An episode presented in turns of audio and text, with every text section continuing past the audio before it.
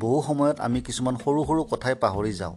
যেনে গাড়ীৰ চাবি কোচা ক'ত ৰাখিছিলোঁ পিন্ধা চোলাটো খুলি ক'ত ৰাখিছিলোঁ কিতাপখন পঢ়ি ক'ত ৰাখিছিলোঁ বজাৰলৈ গৈ যিবোৰ বস্তু আনিবলৈ গৈছিলোঁ তাৰ কিছু মনত পৰিছে আৰু কিছু মনত পৰা নাই। এইমাত্ৰ চিনাকি হোৱা ব্যক্তিজনৰ নামটো মনত পেলাব পৰা নাই। অথবা পুৰণি কিছু চিনাকি ব্যক্তিৰে নাম আৰু ঠিকনা মনত পেলাব পৰা নাই। এনেদৰে পাহৰিলে হয়তো আপুনি সচকিত হৈ পৰে আৰু পৰাটোৱে স্বাভাৱিক। কিন্তু ভয় নাখাব এয়া স্মৃতি হ্ৰাসৰ লক্ষণ নহ'বও পাৰে। নমস্কাৰ বন্ধুসকল আপোনালোকে শুনি আছে আপোনালোকৰ প্ৰিয় অনুষ্ঠান জীৱন উদ্দীপনা। মই ডক্টৰ কমল কৃষ্ণ নাথে লৈ আহিছোঁ আপোনালোকৰ সন্মুখত এক গুৰুত্বপূৰ্ণ বিষয়। বিষয়টো হৈছে আপোনাৰ বাৰু স্মৃতিশক্তি বা মেমৰি লছ হোৱা অনুভৱ হৈছে নেকি?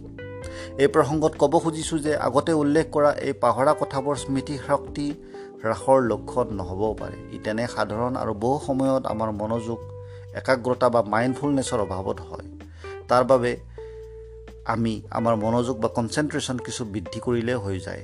বৰ্তমান সময়ত মাল্টিটাস্কিং বা একেটা সময়তে কৰিব খোজা বিভিন্ন কাম আৰু তাৰ ফলত আমাৰ মনোযোগ ক্ষমতা ভালেখিনি হ্ৰাস পাইছে। তদুপৰি বিভিন্ন ধৰণৰ ডিষ্ট্ৰেকশ্যন যেনে mobile notification calls information overload আদি ইয়াত ইন্ধন যোগাইছে। এটা কথা বয়সৰ লগে লগে স্মৃতিশক্তি হ্ৰাস পোৱাটো অস্বাভাৱিক নহয়। বৈজ্ঞানিক পৰীক্ষাত গম পোৱা গৈছে যে বিছ বছৰ বয়সৰ পৰাই মগজুৰ স্নায়ুকোষ কিছু কমিবলৈ আৰম্ভ হয়। কিন্তু সমস্যা হয় স্মৃতি হ্ৰাস স্বাভাৱিকতকৈ বেছি হ'লে যেতিয়া আপুনি আপোনাৰ দৈনন্দিন কাম কাজ কৰাত বাধাৰ সন্মুখীন হয়। আপোনাৰ আচৰণত চকুত লগা ক্ৰুটি দেখিবলৈ পোৱা আৰম্ভ হয়। সেইখিনি সময়ত আপুনি আপোনাৰ চিকিৎসকৰ পৰামৰ্শ নিশ্চয়কৈ লোৱা উচিত। এতিয়া আহিছোঁ স্মৃতি হ্ৰাসৰ প্ৰাৰম্ভিক লক্ষণবোৰ যেনে একেটা প্ৰশ্নকে বাৰে বাৰে কৰা সাধাৰণতে ব্যৱহাৰ হোৱা শব্দবোৰ মনত পেলাব নোৱাৰা নামবোৰ ভুলকৈ কোৱা যেনে চকীক টেবুল টেবুলক বিচনা বুলি কোৱা বস্তুবোৰ ভুল ঠাইত থোৱা যেনে কিতাপখন ৰান্ধনী ঘৰৰ আলমিৰাত থোৱা ইত্যাদি চিনাকি ঠাইলৈ গৈ ৰাস্তা হেৰুৱাই পেলোৱা। এই লক্ষণবোৰ চকুত পৰিলে আপুনি লগে লগে চিকিৎসকৰ ওচৰ চপা উচিত। কাৰণ এনেকুৱা বহুতো ৰোগ বা অৱস্থা আছে যাৰ বাবে স্মৃতিশক্তি হ্ৰাস হ'ব পাৰে। প্ৰাৰম্ভিক অৱস্থাত চিকিৎসা গ্ৰহণ কৰিলে এইবোৰ সহজে ঠিক কৰিব পাৰি। এতিয়া আহিছোঁ স্মৃতিভ্ৰংশ বা ডিমেঞ্চিয়া ৰোগ সম্পৰ্কত। স্মৃতিভ্ৰংশ এনেকুৱা এক ৰোগ য'ত স্মৰণ শক্তি বিচাৰ বিবেচনা শক্তি চিন্তা কৰা ক্ষমতা কথা ক'ব পৰা ক্ষমতা ভাষাৰ ক্ষমতা ব্যক্তিয়ে লাহে লাহে হেৰুৱাই পেলায়। ই সময়ৰ লগে লগে বাঢ়ি গৈ থাকে। মানুহজনে সদায় কৰি থকা কামবোৰ কৰিব নোৱাৰা হৈ যায়। সম্বন্ধবোৰ আগৰ দৰে ৰক্ষা কৰিব নোৱাৰা হৈ যায়। এই স্মৃতিভ্ৰংশ বা ডিমেঞ্চিয়া ৰোগ কেইবা প্ৰকাৰো হ'ব পাৰে। যেনে Alzheimer's vascular dementia frontotemporal dementia Lewy body dementia. প্ৰত্যেক ৰোগৰে কাৰণ আৰু লক্ষণ ভিন্ন হ'ব পাৰে। কেতিয়াবা স্মৃতি হ্ৰাস প্ৰাৰম্ভিক অৱস্থাত দেখিবলৈ পোৱা নাযায়। তাৰ ঠাইত এই ৰোগৰ কিছুমান আচৰণগত ক্ৰুটিহে দেখিবলৈ পোৱা যায়। এতিয়া আহিছোঁ এই ডিমেঞ্চিয়া বা স্মৃতিভংশৰ আটাইতকৈ কমন কাৰণটো। আটাইতকৈ কমন কাৰণটোৱে হৈছে এলজেমাৰ্ছ ডিজিজ ই লাহে লাহে আৰম্ভ হয় আৰু ক্ৰমান্বয়ে বাঢ়ি গৈ থাকে। এই ৰোগবিধৰ প্ৰাৰম্ভিক লক্ষণ হৈছে শেহতীয়া বা ৰিচেণ্ট ঘটনাবোৰ পাহৰা পাহৰি যোৱা। সময়ৰ লগে লগে ব্যক্তিজনে নিজকে প্ৰকাশ কৰিব আৰু যত্ন ল'বলৈ অক্ষম হয়। পৰিয়াল আৰু সমাজৰ পৰা আঁতৰি আহে এই ৰোগৰ কাৰণসমূহ এতিয়াও স্পষ্ট হোৱা নাই। ইয়াৰ বাবে জিনক দায়ী কৰা হৈছে যদিও হাইপাৰ টেনশ্যন মগজুৰ আঘাত হতাশা আদি বিভিন্ন কাৰণ ইয়াৰ লগত থাকিব পাৰে। এই ৰোগত এমলইড নামৰ এবিধ এবনৰ্মেল প্ৰটিন মগজুৰ কৰ্টেক্স অংশত জমা হয় ফলত স্নায়ুৰ সংযোগী কোষবোৰ কানেক্ট কৰিব নোৱাৰা হৈ যায়।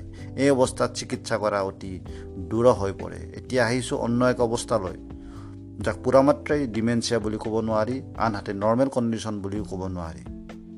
তাক মাইল্ড কগনিটিভ ইম্পেয়াৰমেণ্ট বোলা হয়। এই অৱস্থাত উপযুক্ত প্ৰতিপালন নকৰিলে ই জটিল অৱস্থালৈ গতি কৰিব পাৰে। এতিয়া আহিছোঁ অতি গুৰুত্বপূৰ্ণ অংশলৈ। সেইটো হৈছে reversible cause of memory loss অৰ্থাৎ স্মৃতি নাশৰ এনেকুৱা কিছুমান অৱস্থা য'ত উপযুক্ত চিকিৎসা কৰিলে পুনৰ আগৰ অৱস্থালৈ ঘূৰাই নিব পাৰি। তেনেবোৰ কাৰণৰ বিষয়ে ক'বলৈ লৈছোঁ। এই কাৰণবোৰ আমি জনা দৰকাৰ কাৰণ উপযুক্ত চিকিৎসা বা যত্ন সহকাৰে এই স্মৃতি হ্ৰাস বা নাশ আমি ৰোধ কৰিব পাৰোঁ। তাৰ কাৰণবোৰ আপোনালোকে নিশ্চয়কৈ জনা উচিত। নম্বৰ ওৱান মেডিকেশ্যন বা ঔষধ। কিছুমান ঔষধৰ ছাইড এফেক্ট বা পাৰ্শ্বক্ৰিয়া হিচাপে স্মৃতিশক্তি কমি যাব পাৰে। গতিকে নতুন ঔষধ গ্ৰহণ কৰিলে এই বিষয়ে সাৱধান হ'ব। মগজুত কিবা প্ৰকাৰে আঘাত পালে উপযুক্ত চিকিৎসা গ্ৰহণ কৰিব। আৱেগিক কাৰণ যেনে ইম'চনেল এনজাইটি ডিপ্ৰেশ্যন আদিয়ে স্মৃতিশক্তি হ্ৰাস কৰিব পাৰে টেনশ্যন কমাই নিব পাৰে। মদ আৰু কিছুমান নিচাযুক্ত দ্ৰব্য টবেকো এইবোৰে মগজুৰ ক্ষতি কৰি স্মৃতি হ্ৰাস কৰিব পাৰে। ভিটামিন বিশেষকৈ ভিটামিন বি টুৱেলভ আদি কমি গ'লেও স্মৃতি হ্ৰাস হ'ব পাৰে। সুখৰ কথা ভিটামিন বি টুৱেলভ এষ্টিমেট বা পৰীক্ষাকাৰীক গম পাব পাৰি। হাইপথাইৰয়ডিজিম ভাল চিকিৎসা ভালদৰে গ্ৰহণ নকৰিলে স্মৃতি হ্ৰাস পাব পাৰে। ইয়াৰ বাবে থাইৰয়ড গ্ৰন্থি এষ্টিমেট কৰিব পাৰি। T three T four T S S নামৰ তিনিটা পৰীক্ষাৰ সহায়ত।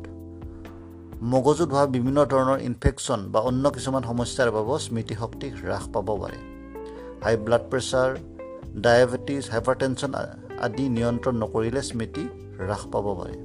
এটা চিডেণ্টাৰী লাইফষ্টাইল অৰ্থাৎ অলস জীৱন যাপন কৰিলেও অবেচিটি আৰু অন্য ধৰণৰ ৰোগৰ লগতে মেমৰি কমি যাব পাৰে। মেটাবলিক কাৰণ যেনে শৰীৰত লৱণ বা চল্ট আদি কমি গ'লেও স্মৃতি হ্ৰাস হ'ব পাৰে।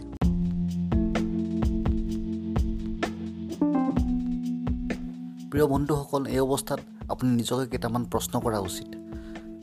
প্ৰশ্নকেইটা হৈছে স্মৃতিৰ সমস্যা আপোনাৰ কিমান দিনৰ পৰা আৰম্ভ হৈছে? ই আপোনাৰ দৈনন্দিন কাম কাজ যেনে গা ধোৱা খোৱা বজাৰ কৰিবলৈ যোৱা কৰ্মস্থলী সুচাৰুৰূপে কাম কাজ কৰা আদিত অসুবিধা দিছে নেকি? আপুনি কিবা নতুন ঔষধ আৰম্ভ কৰিছে নেকি যিটো খোৱাৰ পৰা আপোনাৰ স্মৃতিশক্তি হ্ৰাস পাবলৈ আৰম্ভ হৈছে?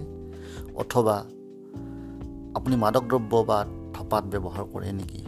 আপুনি কি কি কাম কৰোঁতে অসুবিধা পায়? আপুনি শেহতীয়াকৈ কোনো ৰোগত অসুস্থ আছিলে নেকি?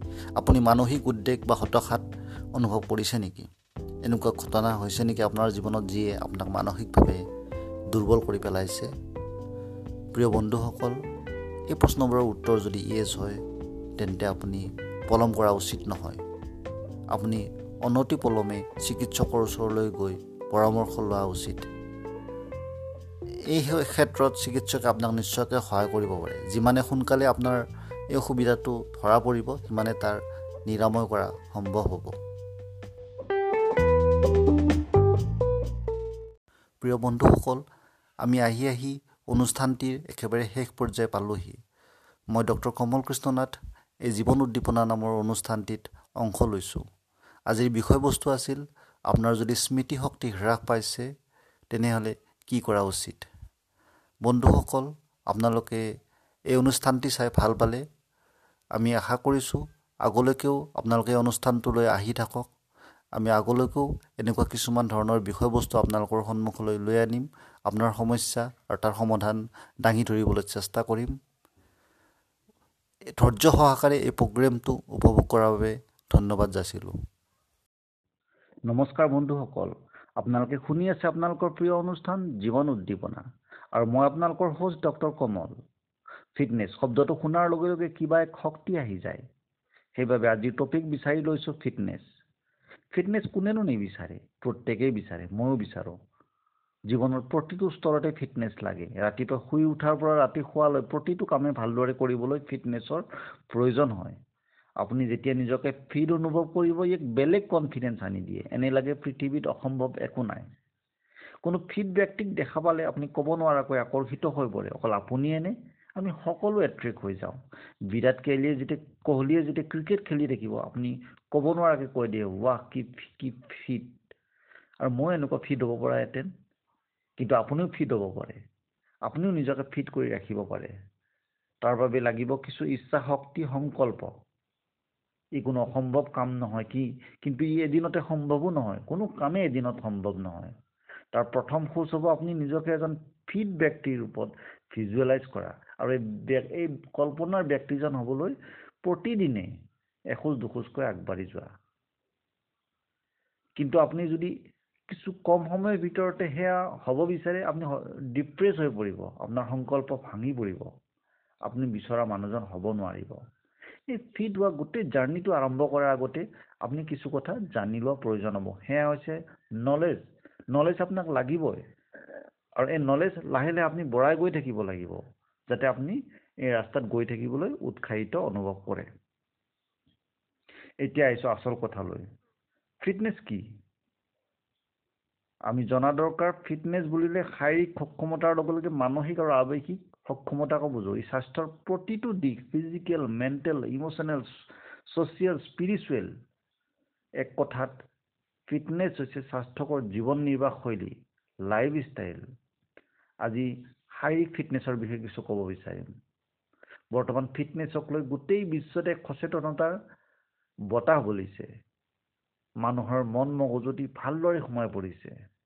চহৰে নগৰে বিভিন্ন ফিটনেছ ফিটনেছ ক্লাব জিম যোগৰ অনুষ্ঠান অনুষ্ঠান প্ৰতিষ্ঠান অনলাইন ফিটনেছ ৱেবছাইট গঢ় লৈ উঠিছে।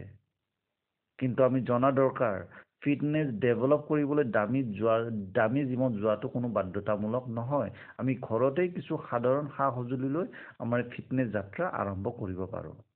তাৰ বাবে প্ৰয়োজন হ'ব কিছু সাধাৰণ জ্ঞান আৰু অকণমান উৎসাহ। প্ৰথমে আমি ফিটনেছ কাক কয় আৰু ফিটনেছৰ বাবে ব্যায়াম কিয় অপৰিহাৰ্য? তাক বুজ লওঁ। ব্যায়াম হৈছে ফিজিকেল এক্সাৰচাইজ যাক প্ৰণালীবদ্ধভাৱে অনুশীলন কৰা যায় ই মূলতঃ চাৰি প্ৰকাৰ। সহনশীল এণ্ডিউৰেঞ্চ ই মূলতঃ এৰবিক এক্সাৰচাইজবোৰ যেনেকুৱা ধৰক দৌৰা জোৰেৰে খোজ কঢ়া জঁপিয়া নৃত্যৰ অনুশীলন কৰা কঠিন কোনো কঠিন কামত লিপ্ত হোৱা ই হাৰ্টবিট আৰু ৰেচপিৰেটৰী ৰেটটো বঢ়াই দিয়ে। নম্বৰ টু শক্তি। ষ্ট্ৰেংথ ই মাংসপেশীৰ শক্তি বৃদ্ধি কৰে। যেনেকুৱা গধুৰ বস্তু কঢ়িওৱা খটখটি বগোৱা ভাৰোত্তোলন অৰ্থাৎ ৱেইট লিফটিং নিজৰ শৰীৰৰ শক্তিৰ বিপৰীতে নিজৰ শৰীৰটো মাচুল ব্যৱহাৰ কৰা। বিভিন্ন ধৰণৰ জিমত উপলব্ধ এক্সাৰচাইজবোৰ ইয়াত অন্তৰ্ভুক্ত হৈছে। নম্বৰ থ্ৰী ভাৰাসাম্য বেলেঞ্চ বেলেঞ্চ আমাক লাগিব। যিকোনো কাম কৰোঁতে আমাক বেলেঞ্চ লাগিব। আৰু বিশেষকৈ যিবিলাক ছিনিয়ৰ চিটিজেন তেওঁলোকৰ কাৰণে বেলেঞ্চটো বহুত ইম্পৰ্টেণ্ট এনে কিছুমান এনেকুৱা ধৰণৰ ব্যায়াম ক'ব বিচাৰিছোঁ যিয়ে বেলেঞ্চটো আমাক বঢ়াই তুলিব। যেনেকুৱা এখন ভৰিত থিয় দিয়া থিয় ভৰি গুৰুহাত থিয় দি খোজ কঢ়া। বেলেঞ্চ ডিপেণ্ডেণ্ট কিছুমান ডেন্স যেনেকুৱা ভাৰতীয় ক্লাছিকেল ডেন্স বেলে টাইচি ইত্যাদি। এইবোৰে আপোনাক বেলেঞ্চ আৰু কোঅৰ্ডিনেশ্যনটো বঢ়াই তুলিব। এতিয়া আহিলে নম্বৰ ফ'ৰ ফ্লেক্সিবিলিটি এনেধৰণৰ ব্যায়ামবোৰে শৰীৰ প্ৰসাৰিত আৰু সংকুচিত কৰি শৰীৰটোক নমনীয় কৰি তোলে। ফলত গাড়ী চলোৱা কাপোৰ পিন্ধা আদি কামবোৰ কৰাত সুবিধা হয়। এই ব্যায়াম কিছুমান এনেকুৱা ধৰণৰ ব্যায়ামবোৰ হ'ল যোগ কান্ধ আৰু বাহুৰ প্ৰসাৰণ ভৰিৰ কলাফুলৰ প্ৰসাৰণ। এইবোৰ মেইনলি ষ্ট্ৰেচিং এক্সাৰচাইজ বন্ধুসকল আমাৰ বহুতে কেৱল এক বা দুবিধ ব্যায়ামত প্ৰাধান্য দিয়ে। সেইবাবে ডিজায়াৰ্ড ৰিজাল্ট নাপায়। কিন্তু এই চাৰিবিধ ব্যায়ামকে যদি আমি সমানুপাতিক আৰু নিয়মিত পালন কৰোঁ তেনেহ'লে ই আমাক ডেফিনেটলি আমাক বেনিফিট দিব। আৰু লগে লগে আমাৰ ইনজুৰি পাৰ্টটোৰ পৰা বহুখিনি বচাই ৰাখিব। কিন্তু তাৰ বাবে লাগিব এখন ৰুটিন ফিটনেছ গঢ় দিবলৈ আপুনি যদি সাজু তেনেহ'লে আমি চেষ্টা কৰি চাব পাৰোঁ। তাৰ বাবে প্ৰথমে আপুনি এক ফিটনেছ ৰুটিন বা কাৰ্যসূচী তৈয়াৰ কৰি ল'ব লাগিব। তাৰ বাবে নাম্বাৰ ওৱান হৈছে আপোনাৰ ফিটনেছ বেচিক ফিটনেছ স্তৰ লেভেল আপুনি জুখি ল'ব লাগিব। যেনেকুৱা ধৰক আপুনি এক কিলোমিটাৰ খোজ কাঢ়িছে তাৰ আগৰ আৰু পিছৰ নাৰীৰ বেগ। আপুনি এবাৰত কিমান সৰ্বাধিক উঠা বহা কৰিব পাৰে পুছ আপ কৰিব পাৰে জঁপিয়াব পাৰে আপোনাৰ কঁকালৰ বিয়াৰ বেৰ কিমান বি এম আই কিমান এই সকলোবোৰ আপুনি বেচিক বস্তুখিনি আমি জানি ল'ব লাগিব। এতিয়া আহিল নাম্বাৰ টু আপোনাৰ ফিটনেছ কাৰ্যসূচী ৰূপাংকন কৰক। তাৰ বাবে এখন সুপৰিকল্পিত ফিটনেছ আঁচনিৰ প্ৰয়োজন হ'ব য'ত আপোনাৰ ফিটনেছ লক্ষ্য নিৰ্ধাৰিত হ'ব। প্ৰথমে আপুনি লাহে লাহে আৰম্ভ কৰক আৰু পৰ্যায়ক্ৰমে ইয়াক বৃদ্ধি কৰিব। লগতে ফিটনেছ কাৰ্যসূচীসমূহ সলনি কৰি থাকিব যাতে ই আনন্দদায়ক হয়। সকলোবোৰ কাৰ্যসূচীকে নথিভুক্ত কৰিব যাতে আপোনাৰ অগ্ৰগতিৰ হিচাপ পাবৰ বাবে ই সহায়ক হয়। এতিয়া আহিছোঁ নাম্বাৰ থ্ৰী ফিটনেছ কাৰ্যসূচীত অন্তৰ্ভুক্ত লাগতিয়াল যন্ত্ৰ পাতি আৰু সামগ্ৰীসমূহ গোটাই লওক। নাম্বাৰ ফ'ৰ সকলোবোৰ ব্যায়াম এদিনতে কৰিব চেষ্টা নকৰিব বৰং সুনিৰ্দিষ্টকৈ ভগাই লওক। নতুন নতুন কাৰ্যসূচী অন্তৰ্ভুক্ত কৰক যাতে ই আপোনাৰ সৃষ্টিশীল মনৰ পৰিচায়ক হৈ উঠে। লগতে নিজৰ শৰীৰটোৰ প্ৰতি লক্ষ্য ৰাখক। ই যাতে অনাৱশ্যক বিদ্ৰোহত লিপ্ত নহয়। সেয়েহে প্ৰয়োজন অনুসৰি বিশ্ৰাম লোৱাটো খুবেই প্ৰয়োজন। নাম্বাৰ ফাইভ আপোনাৰ অগ্ৰগতি। আপোনাৰ কিমানখিনি ইম্প্ৰুভমেণ্ট হ'ল তাৰ এক নিয়মিত খতিয়ান ল'ব। ই সন্তুষ্টদায়ক নহ'লে ছেটিছফেক্টৰী নহ'লে আপোনাৰ টাৰ্গেট পুনৰ নিৰ্ধাৰণ কৰিব। বন্ধুসকল মনত ৰাখিব অলস অৱস জীৱন পদ্ধতি ফিটনেছ লাভ কৰা পথত প্ৰধান শত্ৰু। তাৰ বাবে ব্যক্তিৰ মানসিকতাৰ কিছু পৰিৱৰ্তনৰ প্ৰয়োজন। কোনোবা সময়ত ভিতৰৰ পৰা প্ৰেৰণা নাপালে স্বয়ংকৃতভাৱে কাম সম্পাদন কৰাৰ কৃতিত্ব আপুনি শিকি ল'ব লাগিব। লাহে লাহে ই এক হেবিট হ'ব অভ্যাস হ'ব। আৰু তেতিয়া এলাহে আৰু আপোনাক দিগদাৰি দিব নোৱাৰে। ফিটনেছ কাৰ্যসূচীৰ আৰম্ভণি এক ডাঙৰ সিদ্ধান্ত কিন্তু ভয় খোৱাৰ কোনো প্ৰয়োজন নাই। সুনিৰ্দিষ্টভাৱে আগবাঢ়ি গ'লে ই এক অভ্যাসত পৰিণত হ'ব আৰু তেতিয়া ই সফল নোহোৱাৰ কোনো কাৰণ নাই। মোৰ আপোনালোকৰ সকলোৰে পূৰ্ণ শুভেচ্ছা থাকিল। সকলোৱে ফিট ফিটনেছ বৰ্তাই ৰাখক। সকলোৱে ফিট হ'বলৈ চেষ্টা কৰক। আজি আৰু ইমানতে সামৰণি মাৰিব বিচাৰিছোঁ। আপোনালোকৰ কিবা দিয়া পৰামৰ্শ থাকিলে নিশ্চয়কৈ আপোনালোকে কমেণ্ট ছেকশ্যনলৈ গৈ ক'ব পাৰে। ভাল লাগিলে লাইক এটা দিব। শেষত আপোনালোকে এই পডকাষ্ট চেনেলটোলৈ অতি ধৈৰ্য সহকাৰে শুনি থকাৰ বাবে আৰু চেনেলটো শুনি আপোনালোকে ভাল পোৱাৰ বাবে অলেখ ধন্যবাদ যাচিলোঁ।